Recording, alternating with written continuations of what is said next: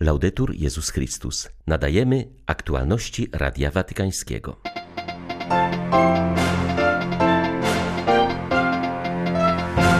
Minął tydzień od rosyjskiej inwazji. Ukraińscy biskupi proszą papieża, by zawierzył ich kraj i Rosję niepokalanemu sercu Maryi. Zwierzchnicy religijni proszą o interwencję w sprawie Ukrainy prawosławnego patriarchę Moskwy. Odezwy w tej sprawie wystosowała Światowa Rada Kościołów oraz przewodniczący Episkopatu Polski. Stolica Apostolska apeluje na forum ONZ o zaprzestanie działań zbrojnych na Ukrainie, powrót do negocjacji oraz otwarcie korytarzy humanitarnych. 3 marca witają Państwa ksiądz Krzysztof Ołdakowski i Beata Zajączkowska. Zapraszamy na serwis informacyjny.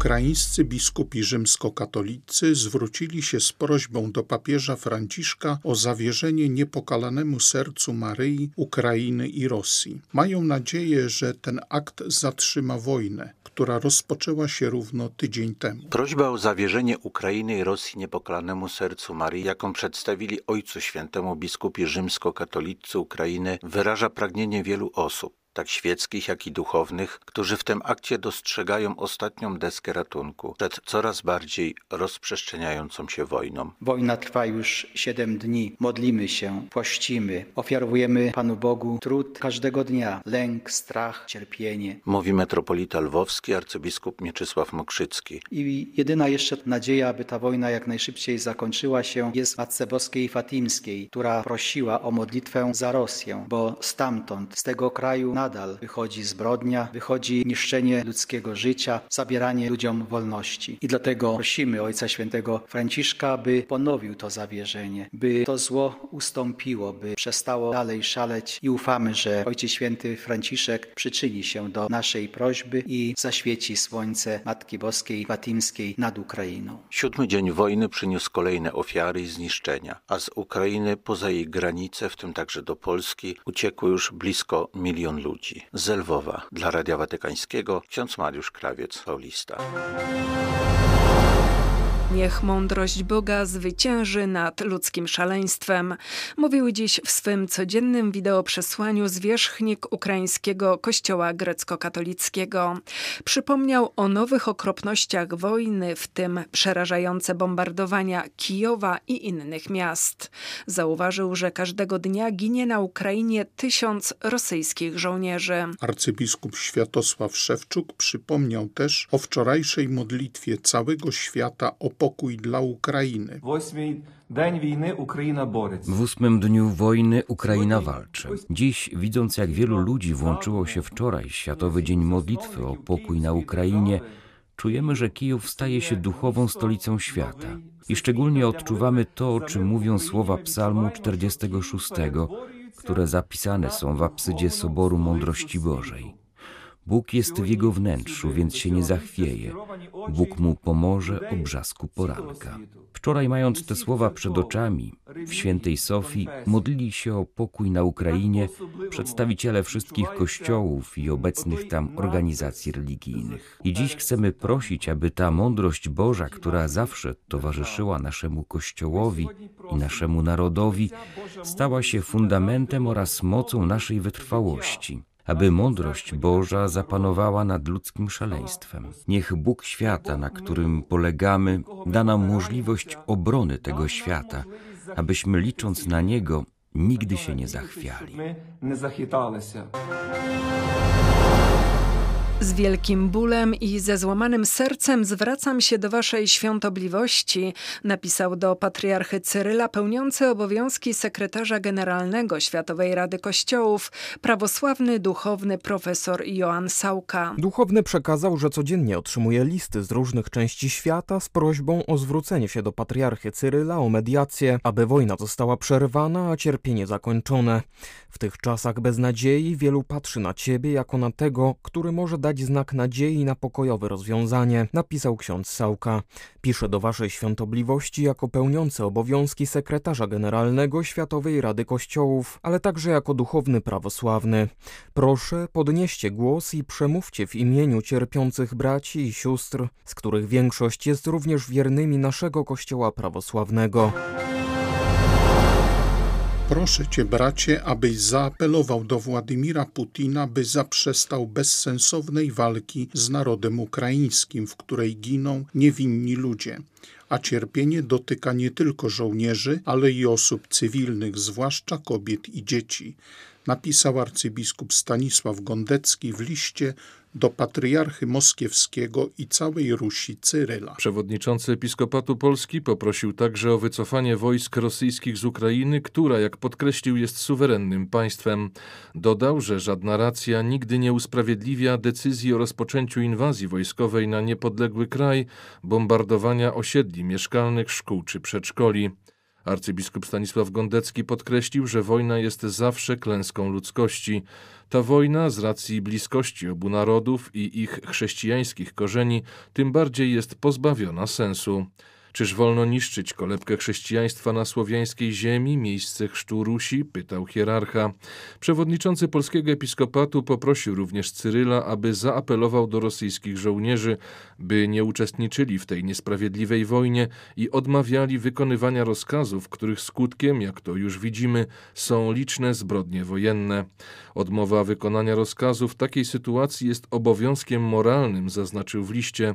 Zaapelował także, aby Cyryl wezwał wszystkich prawosławnych braci w Rosji do podjęcia postu i modlitwy w intencji ustanowienia sprawiedliwego pokoju na Ukrainie.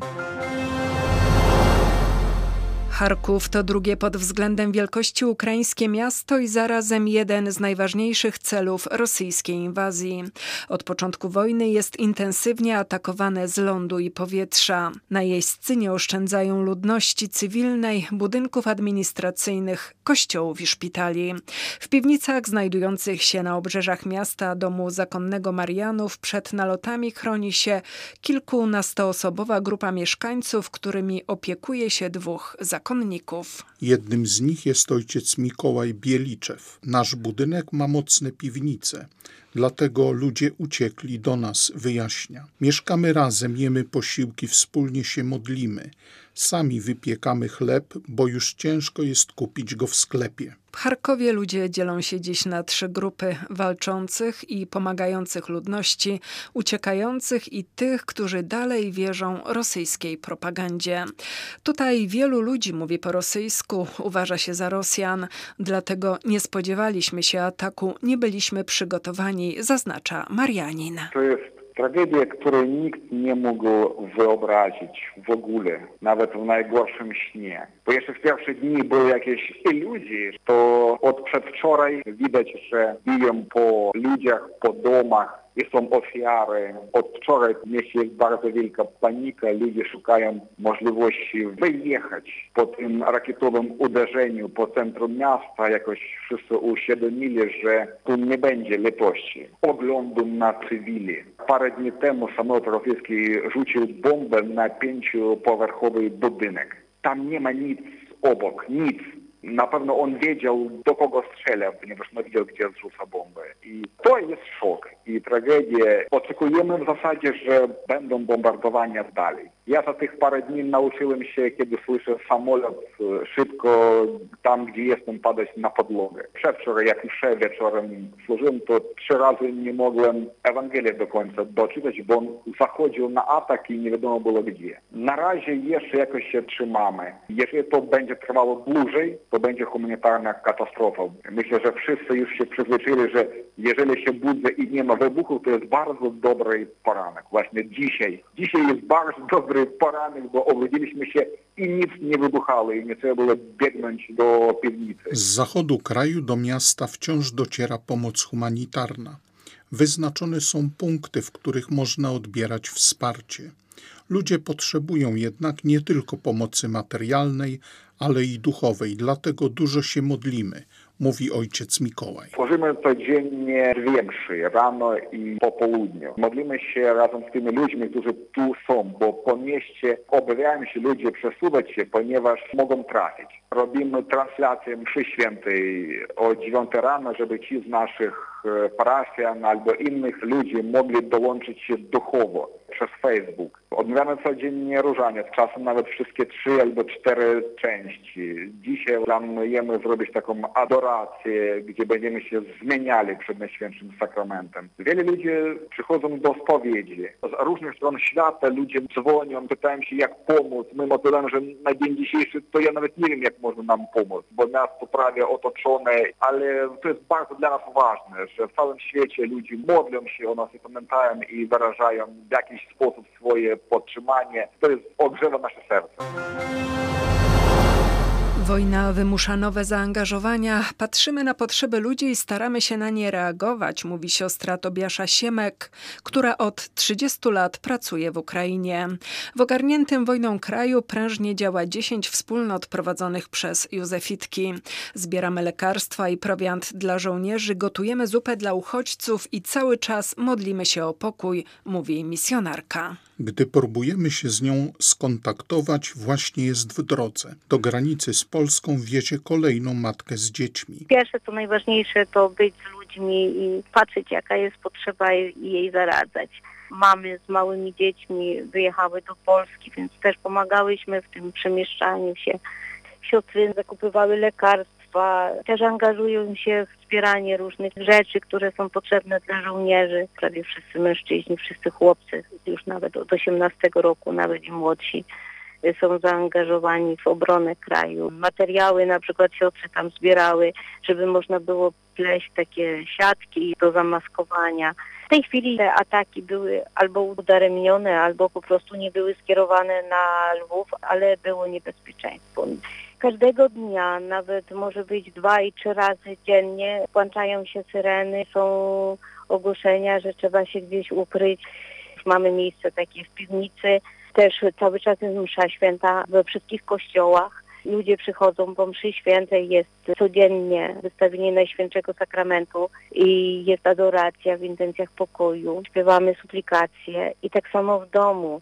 Sama mogę przyznać, że kładę się spać z różańcem w ręku i ten różaniec jest w moich rękach aż do rana, jak się budzę. Każdą chwilę wykorzystujemy na tą modlitwę w intencjach pokoju. Kapucyni na Ukrainie organizują pomoc potrzebującym. Jak stwierdza kustosz kustodii kapucynów na Ukrainę i Rosję, sytuacja w Kijowie opisywana w mediach jest prawdziwa, lecz niepełna, ponieważ walki dotyczą przede wszystkim prawego brzegu Dniepru.